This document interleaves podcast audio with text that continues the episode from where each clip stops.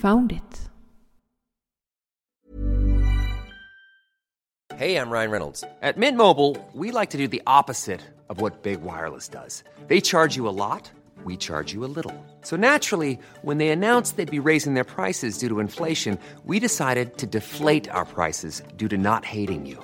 That's right. We're cutting the price of Mint Unlimited from $30 a month to just $15 a month. Give it a try at mintmobile.com slash switch. $45 upfront for three months plus taxes and fees. Promo rate for new customers for limited time. Unlimited more than 40 gigabytes per month. Slows. Full terms at mintmobile.com.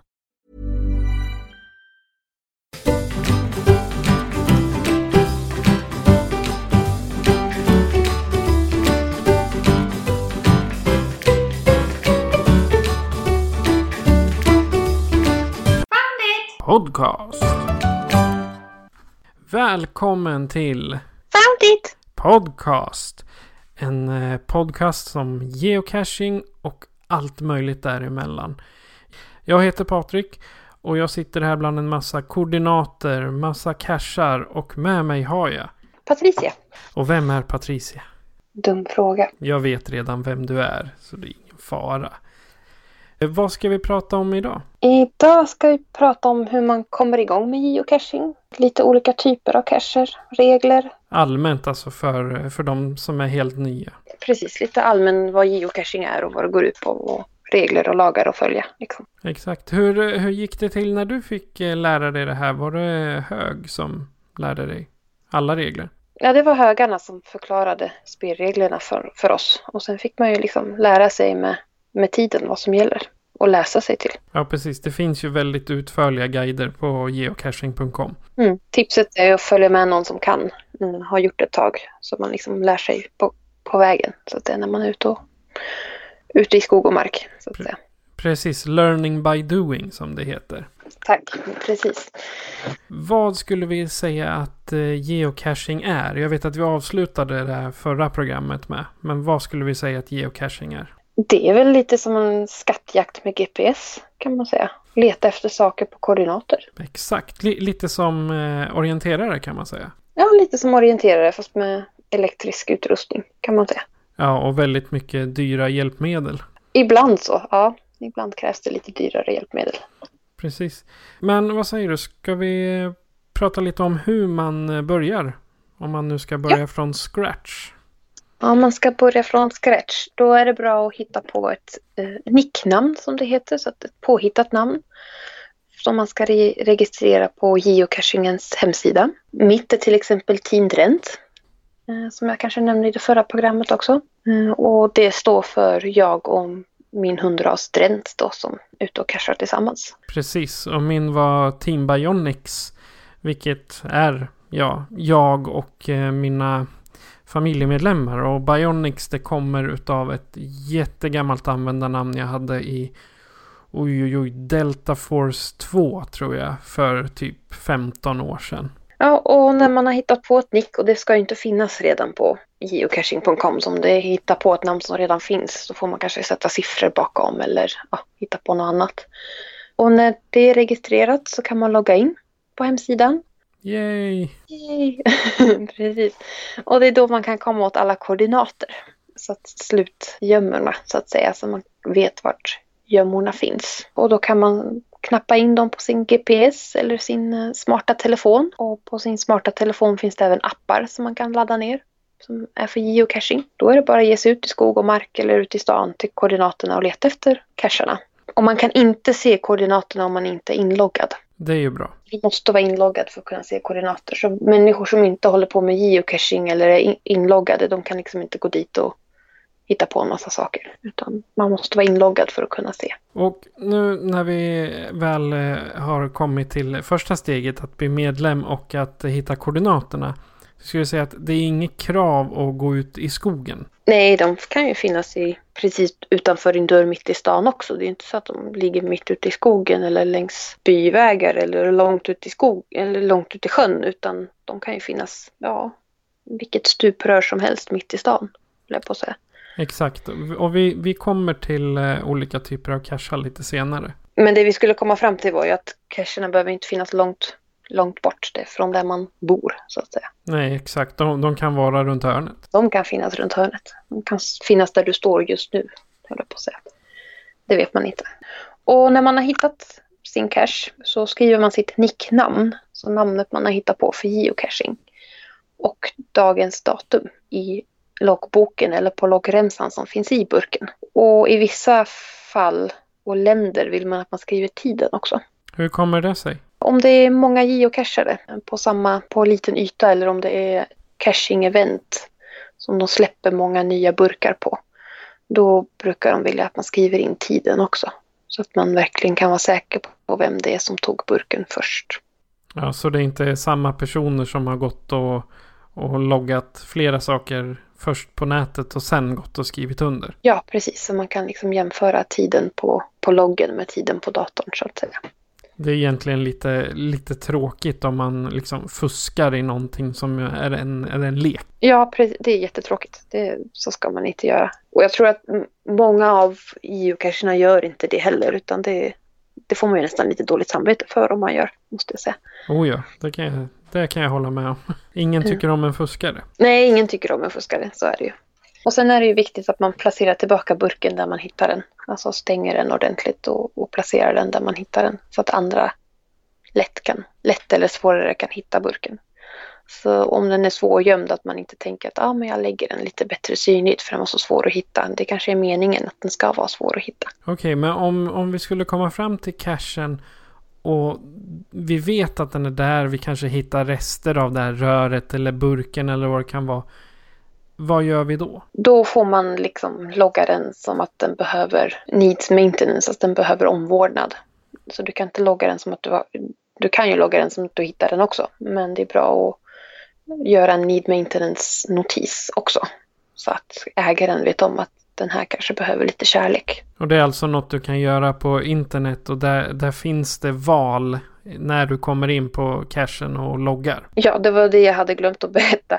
Att när du kommer hem så loggar du cachen online som hittad eller found it. Alternativt använder man sin smarta telefon direkt på plats och loggar burken som hittad. Om man gör det hemma så är det bra att komma ihåg vart man har varit. Um, antagligen man skriver upp GC-koden som finns i burken eller namnet så man lätt kan hitta den på nätet när man söker på den. Eller använda sin smarta telefon för då ser man ju direkt vart man är så kan man logga den på plats. Men om du då inte hittar burken då finns det något som heter eh, Did Not Find. Eller i appen så tror jag det står DNF till och med. Ja, alltså det är lite regler när man hittar och inte hittar burkar. Så att man bör ju inte logga cachen som hittad om man inte har varit på koordinaterna själva. Som vi sa förut, att man loggar online att jag har varit där fast man inte har varit där. Det är inte snällt. Om man ser cachen men inte kommer åt den. Alltså man kan inte skriva i loggboken att man har sitt namn. Och det kan ju vara för att den ligger för högt upp i ett träd eller att man liksom inte når cachen eller att den har ramlar ner i en skreva så man inte kommer åt den. Och då får man ju skriva en notis istället antagligen att jag har inte rätt verktyg med mig för att kunna logga burken eller få åt hittade inte burken får återkomma senare. Liksom. Man behöver inte lämna tomt utan man kan säga att jag har varit och letat men inte hittat något. Och som vi nämnde tidigare att om man hittar delar av vad en gång kan ha varit en cache så får man logga den som needs maintenance eller omvårdnad. Att någon får att ägaren får liksom åka ut och ta hand om burken. Och hittar man ingenting alls, alltså man hittar ingen burk, då får man ju logga den som didn't find it eller ej hittad. Och det är förkortningen där är ju DNF. Ja, precis. DNF brukar man skriva i loggen. Och är du säker på att burken verkligen är borta? För ibland kan man liksom leta och så hittar man ingenting. Och då kan man ju skriva And didn't find it. Liksom. Jag hittar inte den, jag får komma tillbaka någon annan gång. Är du liksom har det varit flera där innan dig som inte heller har hittat burken och du hittar inte burken, då får man ju kanske skriva en needs maintenance. För då kanske det är så att burken är borta och att den behöver ses efter. Och man ska aldrig lägga ut en ny burk själv utan att har tagit kontakt med cashägaren först att det är okej okay att du lägger ut en ny burk med remsa på rätt plats. För ibland så har de ju gömt den på ett speciellt ställe eller att koordinaterna kanske, GPSen inte nollar precis där koordinaterna är. Och då kanske du lägger ut en ny burk fast det fortfarande finns en burk någonstans. Det är bara det att du inte hittar den just då. Exakt, det där har jag varit med om. Jag, jag la ut en liten cash på ett ställe som betyder mycket för mig. Och då första personen som skulle dit och trodde han eh, skulle hitta den först. Han la upp att nej, det koordinaterna var åt helsike. Och så tittade jag då via Google Maps och såg på satelliten att de låg ungefär 20 meter från där jag vet att jag placerar den. Mm. Så samtidigt så ska man, man ska inte tro på GPSen eller på telefonen heller. För är det så att eh, koordinaterna inte stämmer där, det kan ju diffa ja, uppåt 100 meter i värsta fall. I värsta fall ja. Eh, oftast, brukar man ju, oftast brukar man ju säga att plus 3-4 meter. Så om, om GPSen nollar på ett ställe så ska man söka inom en radie från noll på 3-4 meter. Har du en GPS som hoppar väldigt mycket då kan man nästan börja söka på en radie på 6-10 meter. Man får liksom finsöka hela området. Sen börjar man, till slut börjar man ju få ett öga för det här när man har hållit på en stund. Så man, man får en vana där man brukar lägga cacherna helt enkelt. Ja, man får en vana, man får ett öga för det. Så då kanske man liksom, ja här nollar GPSen och sen kanske man bara tittar omkring att åh, om jag skulle gömma en cache så skulle jag ha gömt den där. Och så börjar man titta där. Eller åh, en sån här cache har jag sett förut. Den låg på ett sånt här ställe. Och så börjar man titta där. Och så blir man Ja. jättesnopen om det inte ligger någon där. Ja, precis. Men man får vara lite sådär. Ha lite tålamod och leta ordentligt. Eh, kanske inte ge sig på den svåraste cachen första man gör. Utan man, man bygger upp den och börjar lite med, med enklare. Lätt, lätt terräng och lätt svårighet. Liksom. Det kommer vi in på senare vad det betyder. Men att man börjar där. Så man liksom får ett öga för, för det man gör. så att säga. Och sen så det, det finns ju något som heter pussel. Och det kommer vi också lite, lite längre fram. Men Mm. som, eh, som, som man alltså kan, eh, som man löser för att hitta koordinater. Och pussel, det, det, det finns både digitala och eh, fysiska. Men Mm. de är ju viktiga att man inte delar med sig av. Ja, För jag vet att det finns så kallade spoilergrupper. På typ Ja. Facebook eller något sånt. Ja, innan du går in på det vill jag bara nämna att det är inget fel med att logga en didn't find. För många, jag vet många cashare som säger så här, ja men jag hittade inte burken men jag skrev ingenting för jag, det är så dåligt för min statistik. Att det syns att jag inte har hittat burken. Men bara för att man loggar en didn't find betyder ju inte att man är dålig på att leta. Utan det kan ju betyda att cachen verkligen är borta. Så det är viktigt att man alltid loggar en didn't find. Så att cacheägaren ser att det kanske är något fel på den, att man måste gå ut och titta på den. Därmed betyder det att en didn't find-logg kan hjälpa andra och därmed höja kvalitet på spelet. För om ingen loggar en didn't, didn't find så kanske det är 30 personer som är ute och letar efter den där burken men ingen loggar den som borta. Kloka ord. Så kanske det är 30 till som är där ute och sen kanske nummer 31 säger ja men nu ska jag logga en didn't find för att ingen annan verkar ha gjort det så att, men jag tror inte den är kvar. För nu är det ett halvår sedan någon loggade den. Det var bara det jag ville nämna också. Att det är inget fel med att logga en didn't find utan det är bara bra. Nej. Och sen samma sak när det gäller eh, när, man, när man är och har hittat en cache. Så det, i, både, på, både på internet och i apparna så går det att lägga in bilder. Och Mm. de ska ju helst inte spoila gömstället exakt.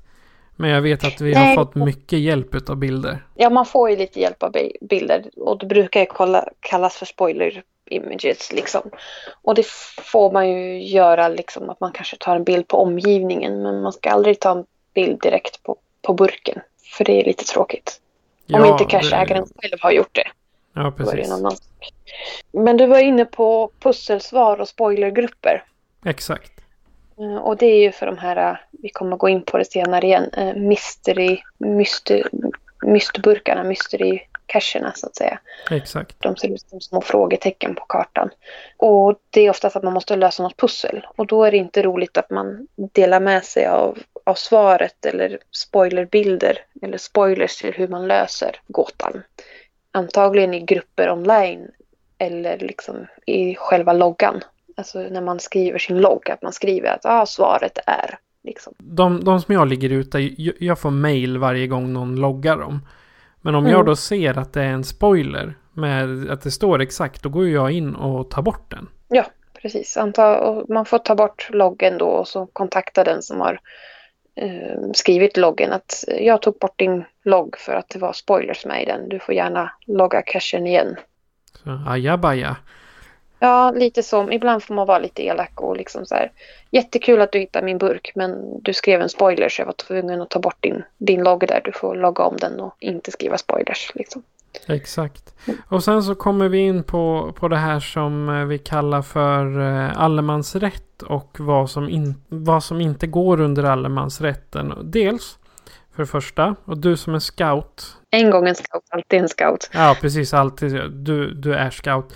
Då vet ju en av reglerna när man är ute det är att inte skada naturen. Mm, det är ju en Du utav... ska inte riva sönder mossa eller bryta av grenar eller liknande för att bara för att hitta den där cachen som du vill ha. Mm. Och, och sen är det då privat mark. Det kallas intrång. Det kan man få böter. I, i riktigt illa fall så kan man få eh, fängelse för det. Men om man har tillstånd så får man såklart kliva in på privat mark. Men du får väl inte placera en cache i en... Vi säger, jag skulle inte få placera det i, i våran tomt exempelvis. Jo, du kan ju få, alltså du får ju placera den i din privata tomt, men då ska det ju stå klart och tydligt att du har ägarens tillåtelse att gå in på tomten. Eller att du skriver den sitter i cashägarens egen trädgård. Håll dig på stigen. Liksom. Don't go on the grass. Liksom. Lite så. Så du får ju liksom inte placera en burk i någon annans trädgård utan tillåtelse. Och oftast om de ligger vid tomtgränser så brukar det stå i beskrivningen att eh, cashen ligger inte på tomten. Så att det är ingen idé att du kliver in i deras blomsterrabatter för att leta. Och det är inte särskilt uppskattat heller om man gör det. Nej, jag skulle nog inte bli så glad om någon klampade genom mina pelargoner för att leta efter en burk.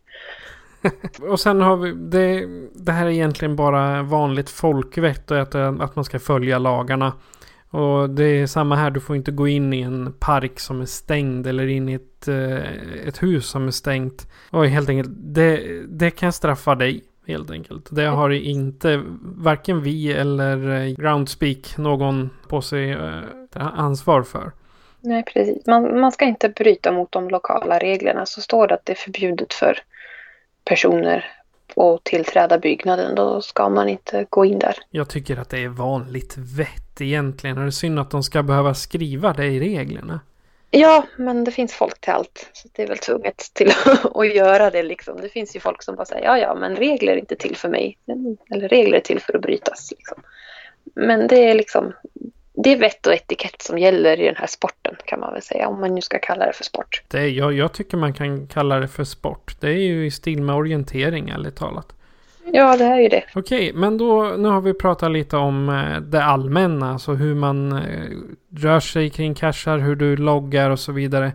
Men vad är då en cache? För det finns ju så många olika typer. Det, det kan ni se i våran eh, logotyp att det är ett gäng figur, figurer med lådor och ett spöke och en jord och lite.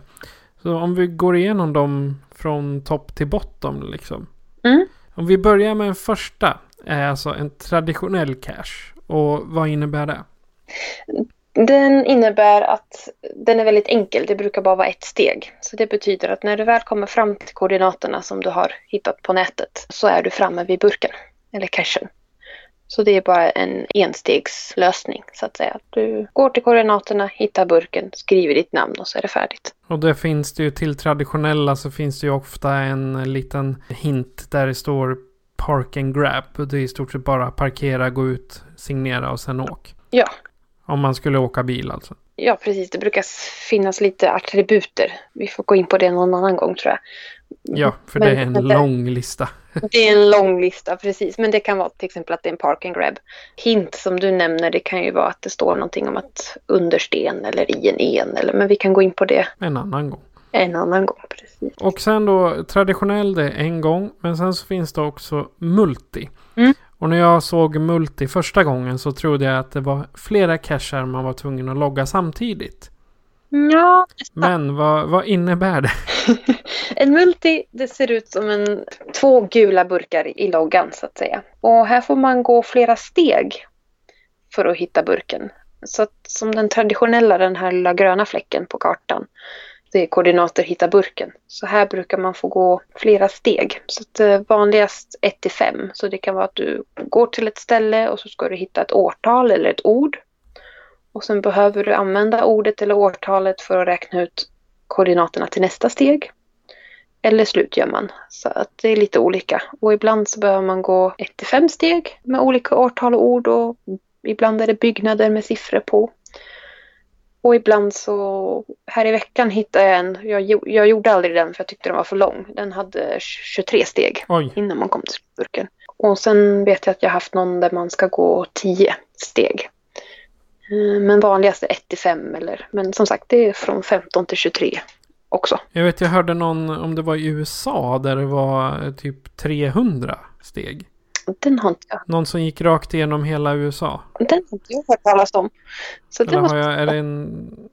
Nej, okej. Eller så har jag blandat ihop det med att det är ett trail, alltså ett spår utav flera traditionella. det kan det vara, för det vet jag att det finns eh, flera som det är typ att den går längs med en motor, eller inte riktigt motorväg, men den går längs med en väg tvärs genom hela USA där det finns liksom burkar. Det kanske är där jag har blandat ihop det med då. Det kan det vara. Det är ett mysterium. Det är ett mysterium, precis.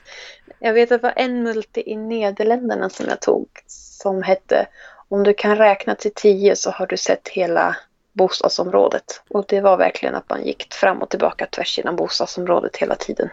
Eh, Och det var tio steg innan man kom till slutgömman. Så man hade verkligen sett hela bostadsområdet när man hade loggat den. Det måste ju ha varit någon boende där. Som skulle Ja, kunna jag. titta när folk irrar omkring. Man gick, liksom, man gick liksom genom mitten på bostadsområdet flera gånger. Och till slut låg till slut cashen i mitten så man hade ju liksom passerat den ja, åtta gånger kanske när man letade efter den. Så det var lite så här frustrerande. Skulle inte förvåna mig om cashägaren bodde där vid mitten och bara Säkert. skrattade varje gång man passerar.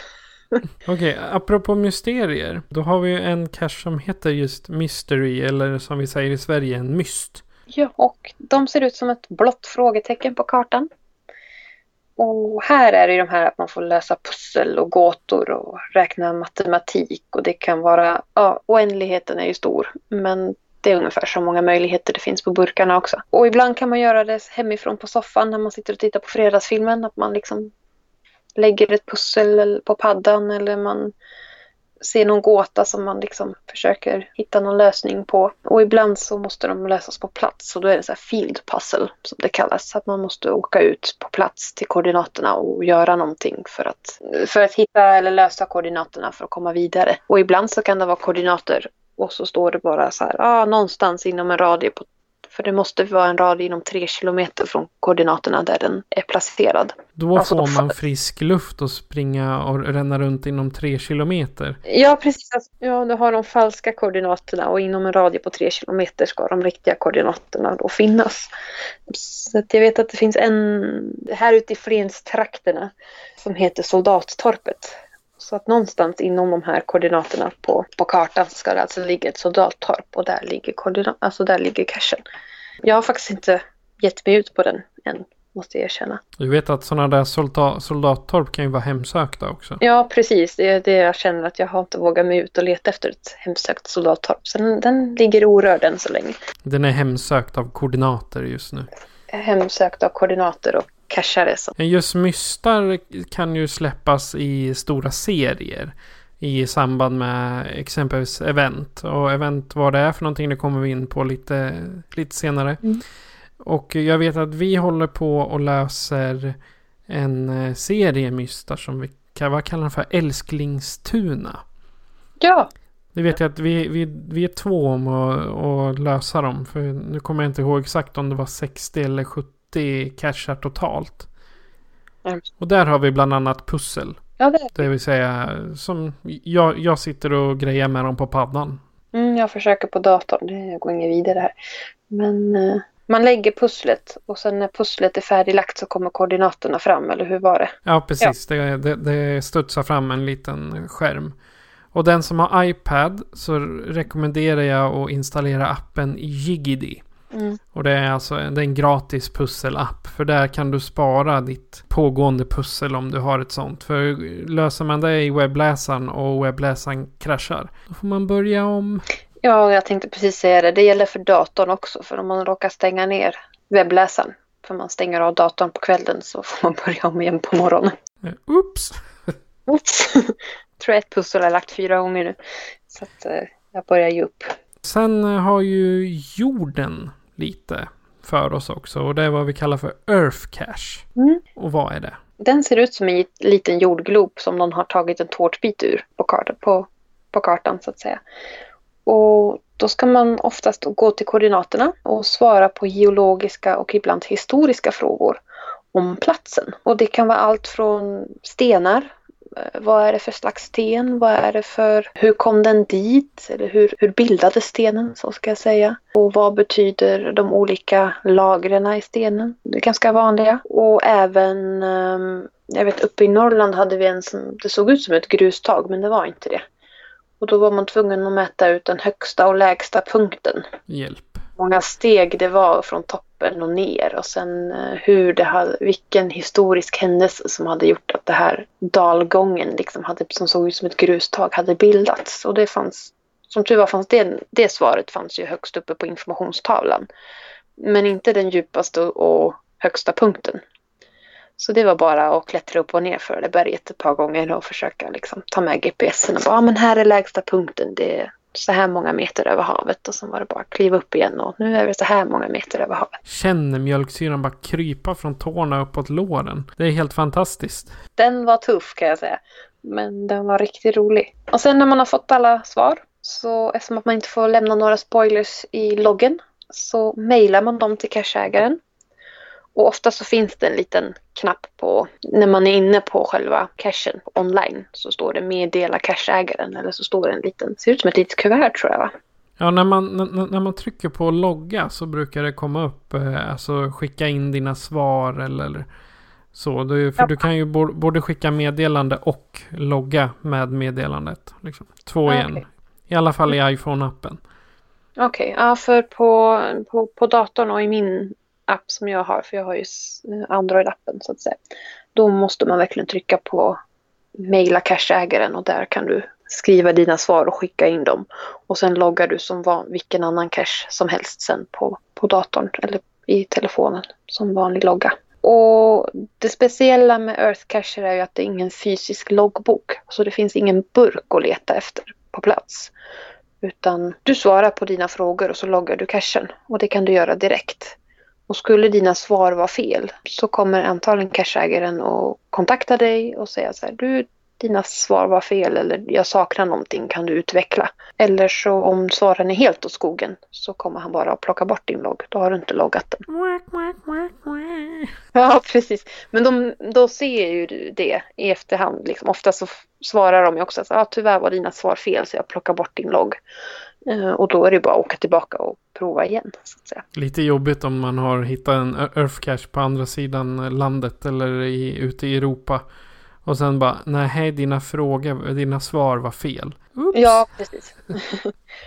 Jag har märkt att oftast så finns svaren, just när det gäller liksom stenarna och varför marken har tre olika färger och liksom det här. Där brukar svaren finnas i texten. Så om man läser texten till cashen väldigt noga så finns liksom svaren där också. Sen kanske du, som den här i Norrland då, när man var tvungen att verkligen kliva upp och ner för, för hela sluttningen för att mäta höjden. Där kan man ju liksom bli lite fel då. Det gäller att läsa, om man säger så. Och det är ju samma när det gäller, det är ju samma i mystarna eller mysterierna.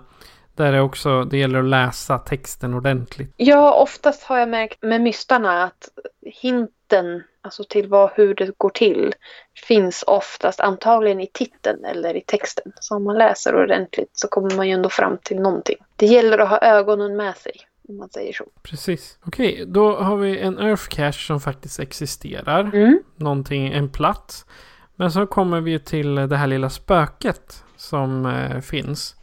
Och den kallar vi för en virtuell cache. Ja. Och vad innebär det? Ja, de är lite roligare. Då får man gå till eh, cache-koordinaterna, så alltså besöka platsen. Och då måste man också svara på en eller flera frågor. Och det kan vara, jag vet att det finns typ fågeltorn. Och då kanske de frågar hur många trappsteg är det upp? En rolig var hur många trappsteg är det ner? Jag tänkte så här, ja, det är väl lika många som det är upp, men det var det tydligen inte. det kan vara, oftast har jag märkt att det är utsiktstorn. Men det kan vara andra saker också. Det kan vara en fråga som, liksom, hur många meter är det till kyrktornet som du ser till vänster om dig när du kliver upp. Och ofta står det på en informationsskylt att så här många meter från där du är finns det här kyrktornet. Vi hade ju en, en riktigt läskig sådan i... Eh, vi var i Strängnäs ute på någon utkikspunkt. Eh, tre våningar upp och man, man fick ju svindel upp i det där rangliga tornet. Ja, precis. Den var lite rolig. Ja, och läskig. Och läskig, ja. Precis. Ibland vill de ju att man tar bildbevis också, att man verkligen har varit där. Och det kan antagligen vara att man tar en selfie med objektet eller utsikten i bakgrunden. Om man inte tycker att mitt ansikte ska synas på hela internet då räcker det med att man tar sin GPS och har den på bild istället. Jag vet att några liksom visar handen. Att de, jag vill inte stå med mitt ansikte men jag kan visa min hand. Så att man liksom på något vis visar att man har varit där fysiskt. Där, där tycker jag det är lite jobbigt om man inte har en smart telefon. Hey, it's Danny Pellegrino from Everything Iconic. Ready to upgrade your style game without blowing your budget? Check out Quince. They've got all the good stuff shirts and polos, activewear, and fine leather goods, all at 50 to 80% less than other high end brands. And the best part? They're all about safe, ethical, and responsible manufacturing. Get that luxury vibe without the luxury price tag. Hit up quince.com slash upgrade for free shipping and 365 day returns on your next order. That's quince.com slash upgrade. Ever catch yourself eating the same flavorless dinner three days in a row? Dreaming of something better? Well, HelloFresh is your guilt free dream come true, baby. It's me, Gigi Palmer. Let's wake up those taste buds with hot, juicy pecan crusted chicken or garlic butter shrimp scampi. Mm. Hello Fresh. Stop dreaming of all the delicious possibilities and dig in at HelloFresh.com. Let's get this dinner party started.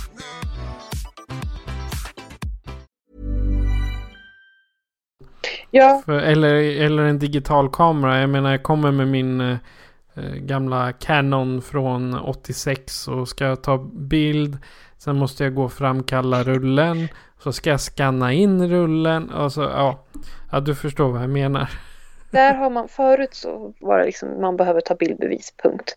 Men där har man blivit lite mer, den regeln har man tagit bort. Så nu för tiden när man gör en ny eh, virtuell eller Earth Cache så kan man inte längre kräva att folk tar bilder. För man kan inte kräva att folk skaffar sig en digital kamera eller en smartphone för att åka ut och logga. Det är bra. Ja, men på ett sätt är det bra. På ett annat sätt kan jag tycka så här, ja men hur många människor finns det ute i världen som håller på med geocaching som inte använder sin, sin smartphone till istället för GPS. Ja, säg det. Sen finns det säkert de Jag- här som är riktigt duktiga och använder karta och kompass istället för GPS. De finns det. De, de har jag träffat. Så det, det säger jag ingenting om. Det är helt fantastiskt. Jag tror att det finns väldigt få människor som inte ger sig ut i skog och mark utan sin telefon. Och jag tror att det är väldigt få telefoner nu för tiden som inte har en kamera i sig. Det var lite det jag tänkte på. Det är sant, det är sant. Men oftast brukar det vara någon fråga med som man faktiskt inte kan ta reda på på internet. Och det är ju bra. Så att man ändå vet att de har varit där så man inte får det här fusket som vi pratade om tidigare. Exakt, men jag, jag, jag tycker att har man, är man väl intresserad av geocaching och gör det för att man eh, vill geocacha då, då fuskar man inte.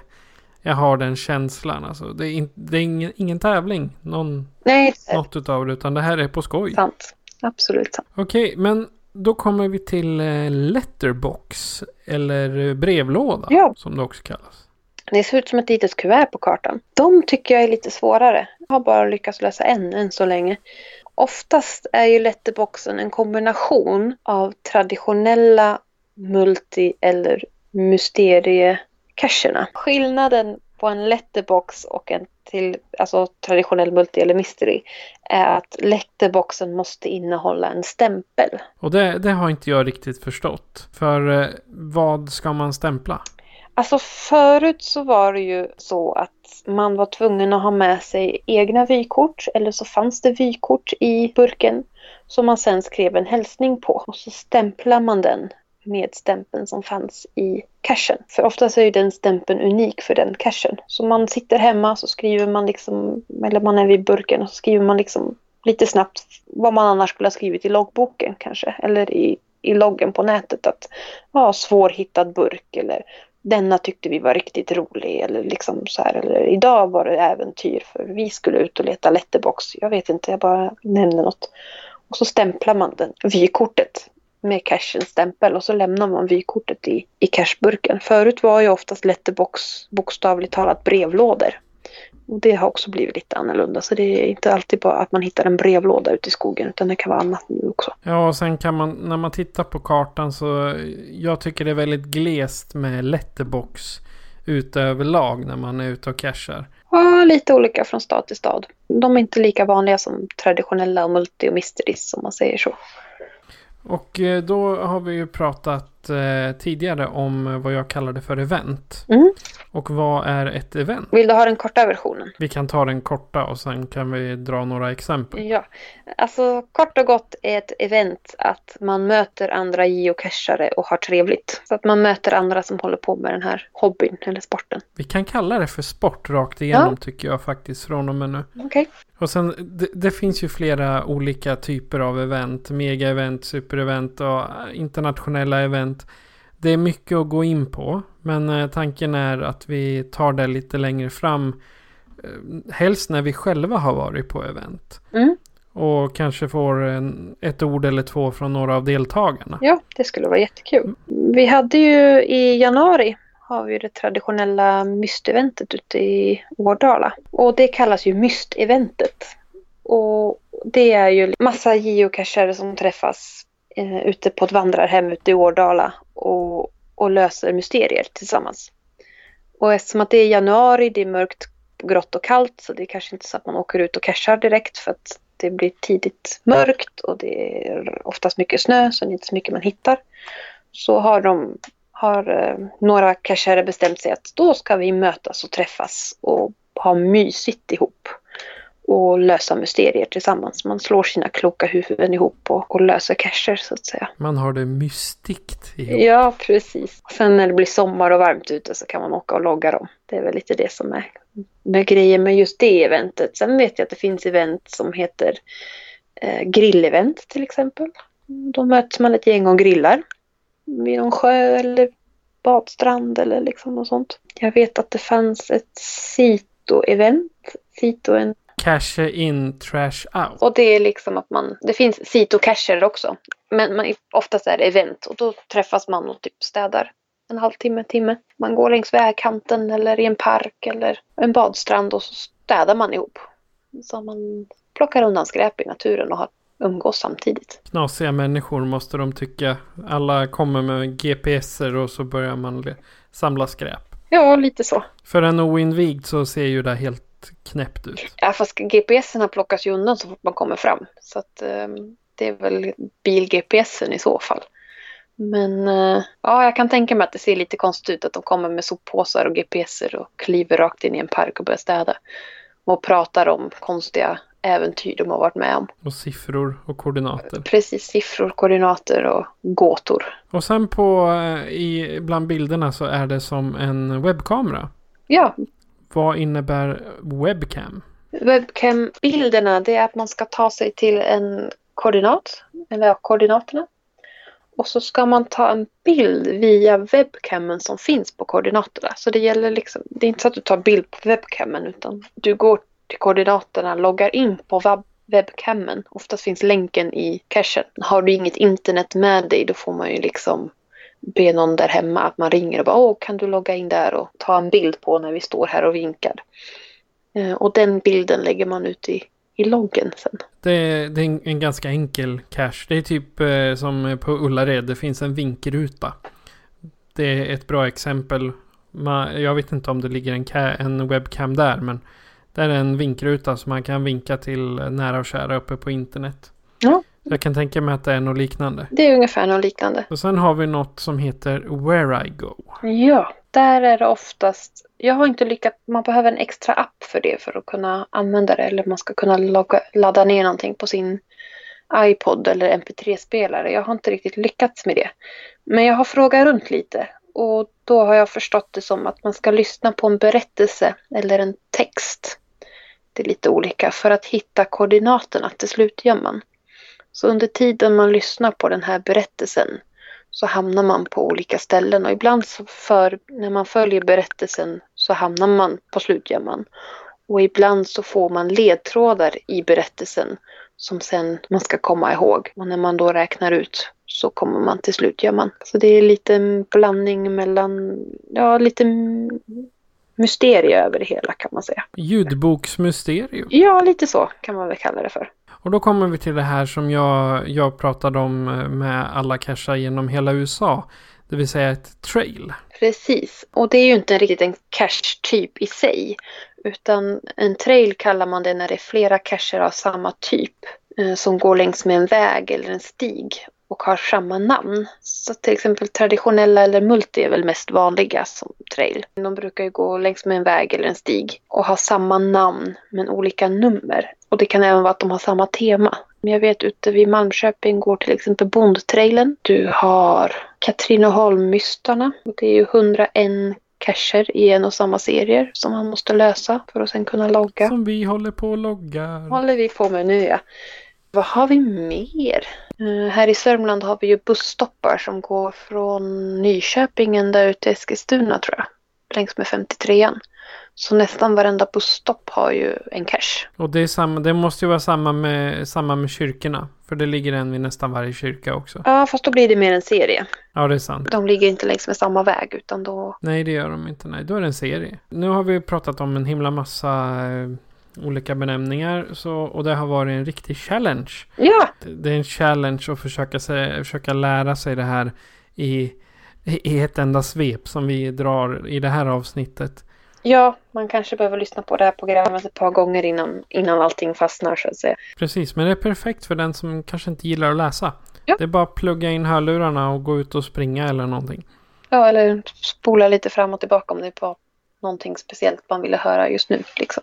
Man undrar över. Och med det så kommer vi till svårigheter. Ja, Och med andra ord, det är ju olika svårigheter beroende på terräng och gömmans svårigheter.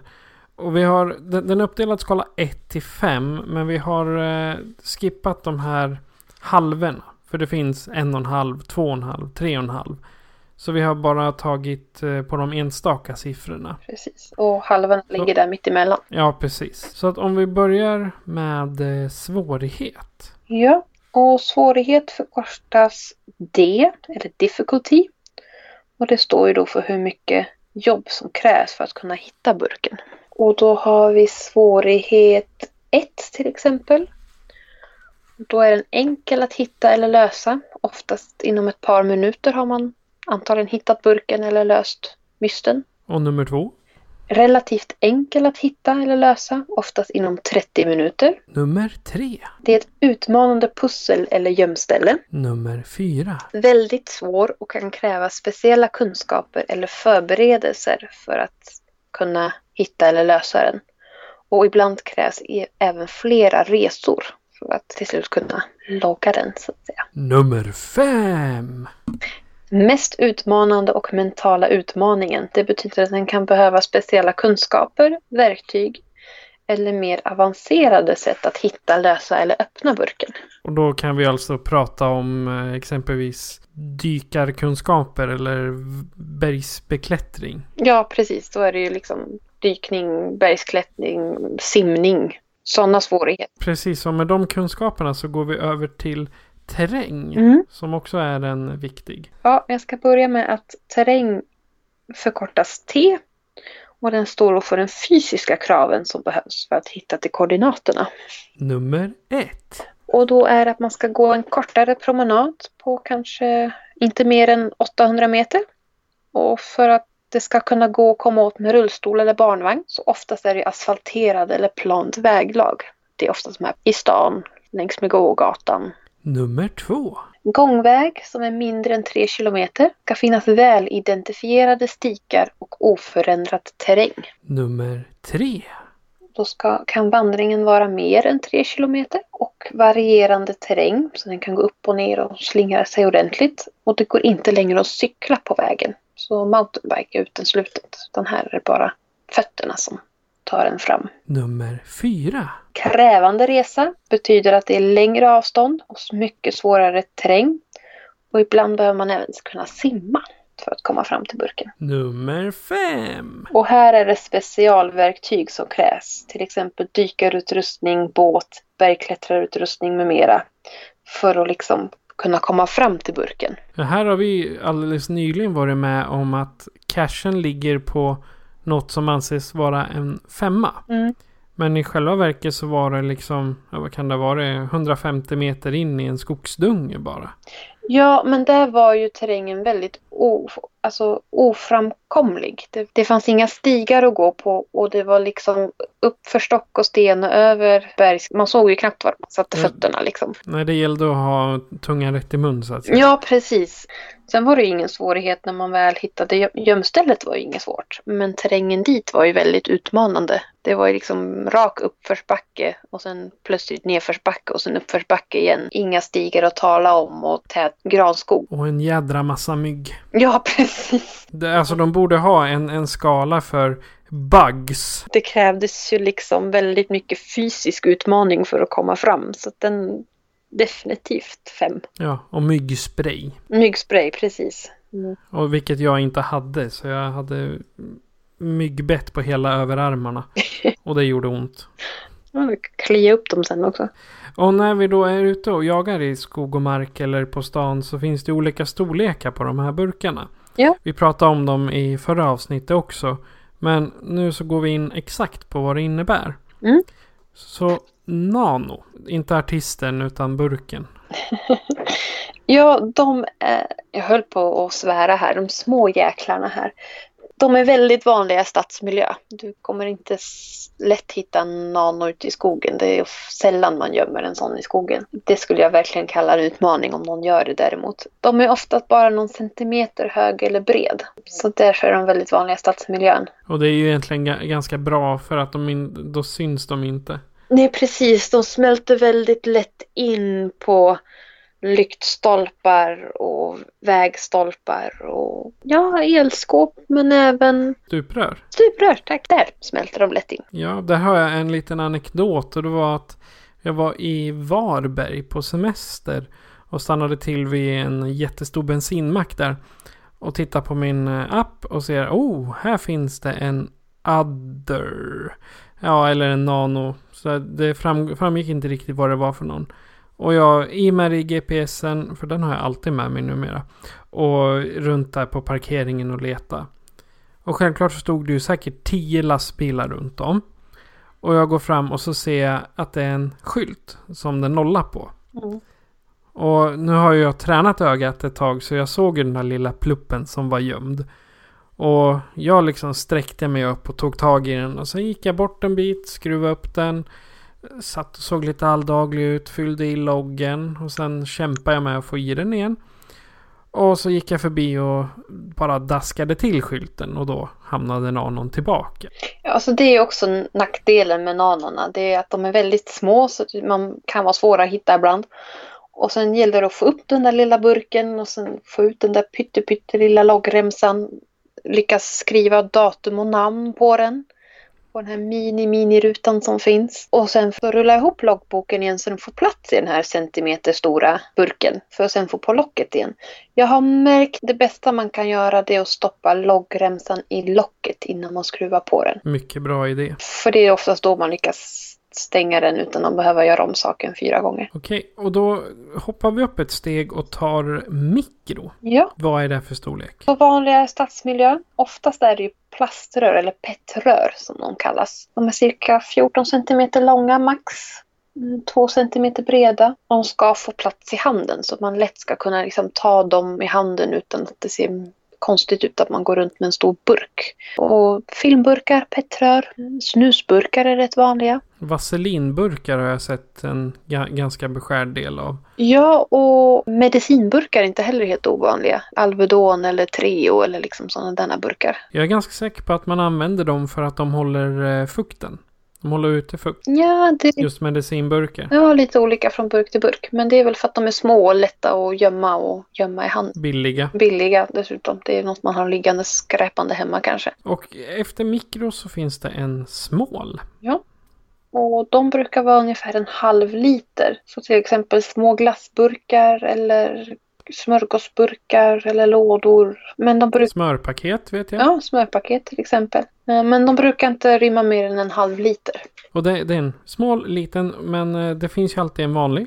Reg, regular. Mm. De brukar vara en till två liter stora. Som rymmer en till två liter. En lunchlåda, glasslåda. There's no end to the possibilities. Ja, lite så. Nej, men någon trälåda ibland.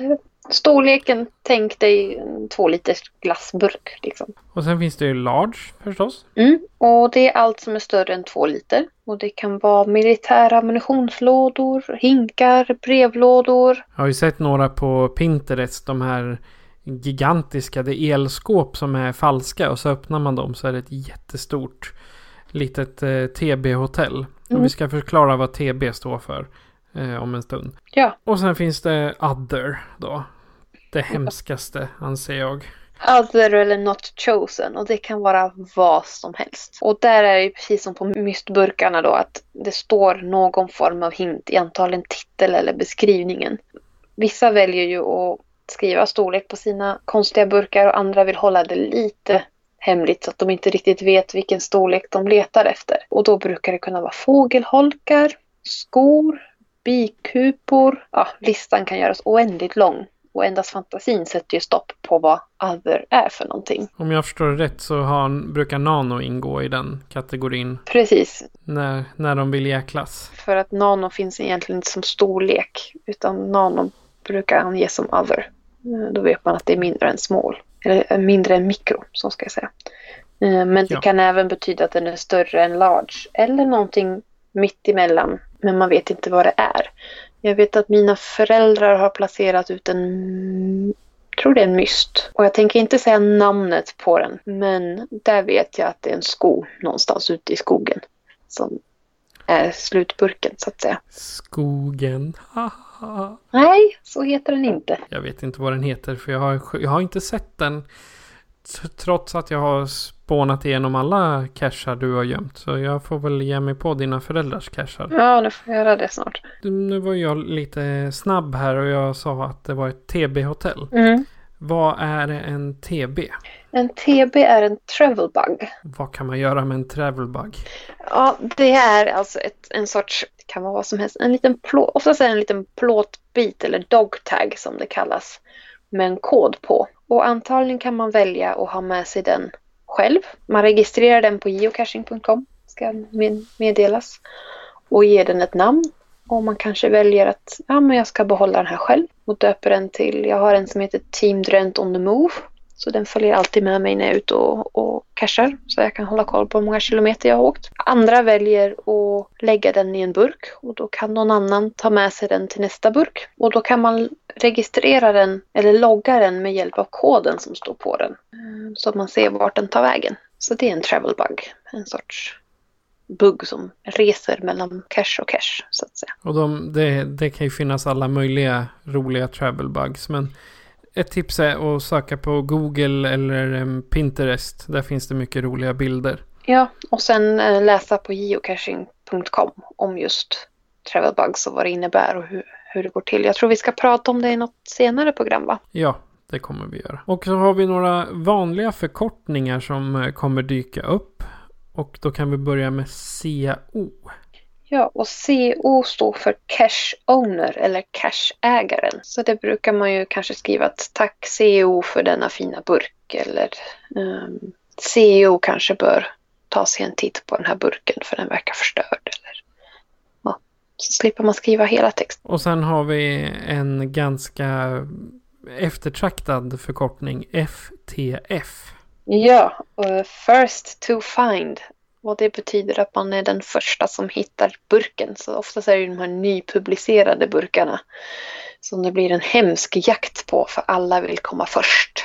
Eh, och skriva sitt namn, att de var de första som hittade burken. Jag vet, jag, jag placerade ett par burkar nu för, förra sommaren. Eller förra sommaren, herregud, det är ju bara juli. I våras, ska vi säga. Och det, den första jag placerade, den tog ungefär två timmar innan någon hade gjort en FTF på. Mm. Alltså first to find. Men sen hade jag en som jag placerade ganska nära där jag bor. Och den tog det 35 minuter innan eh, den, den användaren kom. Jag ska inte droppa några namn. Utan eh, men eh, herregud vad snabbt, alltså 35 minuter. Ja, alltså det kan gå allt från typ, ja jag ska inte överdriva, men kvart 20 minuter till ja, 4-5 dagar. Jag tror det var en här ute i Flen som det tog, jag tror de plockade bort den till slut. Det var aldrig någon som loggade den. Det var liksom ingen som, men det var en myst, så det var ingen som lyckades lösa mysten, mysteriet. Så den blev, förblev ologgad. Fail! Men vanligast är ju liksom inom 24-48 timmar att den är loggad. Och man har ju lärt sig nu efter åren vilka som är de här riktiga jägarna. Det är en, av tio namn som, i alla fall i Sörmland, Ja, så är det en 8-10 namn som figurerar på i stort sett alla FTFer. ja det är, alltså oftast är det ju folk som försöker med minst, eller folk, cashare, som försöker på sig minst en FDF i månaden. Det är liksom deras statistikmål att hitta en i månaden. Helst fler. Det finns ju de som åker på event för att de vet att det kommer att droppas cacher just för att de ska kunna ta ett par FDF-burkar. Liksom. Jag ser framför mig som när, när man står inför en loppis som ska öppnas och alla vet att det är någonting jätteeftertraktat där inne. Att en del till och med springer för att komma först. Ja, ja, det är nog inget ovanligt. Rena, rena kosläppet varje dag. Nästan. Det är liksom om man är på ett event och så plötsligt. Man ser det väldigt mycket på, nu är det mysteventet jag har varit på oftast. Och oftast släpper det ju lite mysterier under det eventet. Och man ser "Åh, det har kommit någon och så tar det kanske 5-10 minuter och plötsligt reser sig typ 3-4 pers upp samtidigt och bara springer till bilen och liksom utför och loggar den. Ja. Och så hör man de andra som fortfarande håller på. Nej, nu har de hunnit lösa det. Vi, nej, nej, nej, nej, hoppas de gjorde fel. Vi måste komma på. Men det, det, alltså, det är det som gör det här så kul.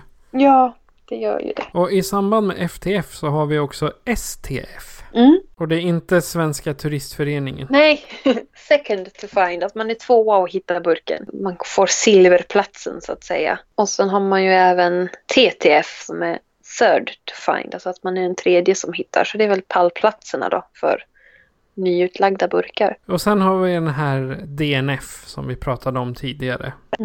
Didn't find eller ej hittad. Att man liksom inte hittar burken. Och som sagt, som vi sa tidigare, det är inget fel med att logga en DNF. Strunta i statistiken för att du har många DNF-loggar. För att det behövs för att kunna höja spelets kvalitet. Så att fler vet om att den kanske är borta och den behöver ses efter. Det är inget fel. Exakt. Och när man, när man loggar en DNF så blir det en blå ledsen gubbe på kartan. Ja, det är nytt. Det hade de inte förut. Men det är nytt. Så då vet man att man inte har hittat den tidigare.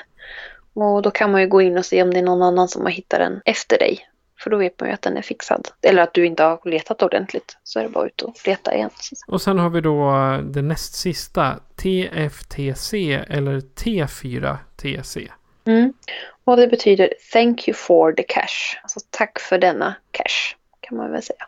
Tack för denna burk. Och det är ju om man inte har någonting eh, annat speciellt att, s- skriva liksom. För det, I loggen. Ja, tack så mycket för den här. Nu åker jag vidare. Och sen ett ord som jag fick lära mig från första början. Se, se upp för mugglare. Mm. Eller muggles. Mm. Och jag har, alltså jag har ingen aning om vad det är för några. Nu vet jag ju, men då, jag fattade inte vad det var för några. Jag trodde det var typ tomtar och troll som sprang runt och snodde cashar för folk. Nej, mugglare eller muggles är det som inte håller på eller vet om vad geocaching är för någonting. Och var kommer det ifrån? Ja, namnet är taget från Harry Potter och i den bok och filmserien så är mugglare en benämning på icke-magiska människor. Så människor som inte vet om att magi och trollkarlsvärlden finns. Och det är väl därför man har använt ordet mugglare, just för att många människor inte vet vad geocaching är och att geocaching finns. Så att man kan säga att vi geocachare, vi är magiska människor. Ja, vi är lite som trollkarlar och häxor, precis. Hokus pokus. Ja, lite så. Men vi hittar ju saker som vanliga människor, eller ja, mugglarna inte hittar. Och oftast när vi är ute och letar burkar i stan och så, om man är lite försiktig och liksom inte ropar hej vilt, jag hittar den eller någonting, utan man liksom bara småsöker lite. De märker oftast inte de här människorna som inte vet vad geocaching är, att man håller på med geocaching, utan de går bara rakt förbi en utan att ens lägga märke till att du letar efter någonting. Det kan ju lika gärna vara att vi har tappat bilnycklarna och letar efter dem. Ja, men precis. Och det är väl det som mugglare står för. Att de förstår inte eller fattar inte att magi och trollkarlsvärlden eller geocaching som vi pratar om nu finns. Eh, så det är därför man har tagit namnet därifrån. Det låter ju det låter hemskt men vi är ju speciella. Ja. Knasiga människor springer och ute i skogen och letar plastburkar.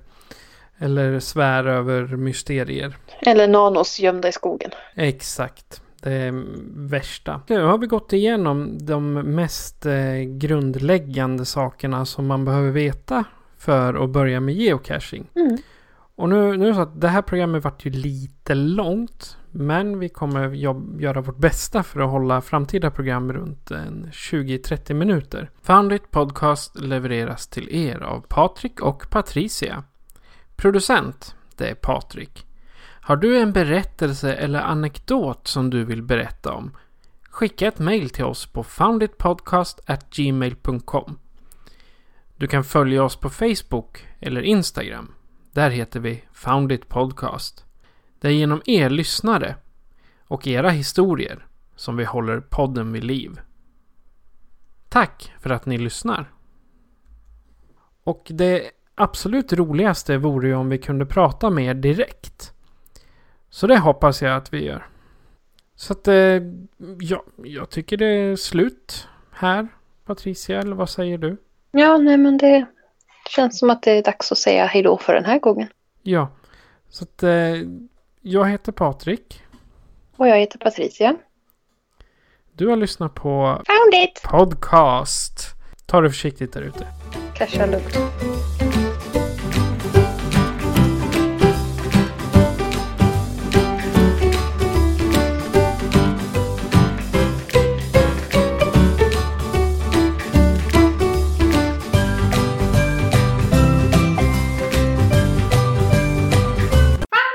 Podcast. Ever catch yourself eating the same flavorless dinner three days in a row? Dreaming of something better? Well, HelloFresh is your guilt free dream come true, baby. It's me, Gigi Palmer. Let's wake up those taste buds with hot, juicy pecan crusted chicken or garlic butter shrimp scampi. Mm. Hello Fresh. Stop dreaming of all the delicious possibilities and dig in at HelloFresh.com. Let's get this dinner party started.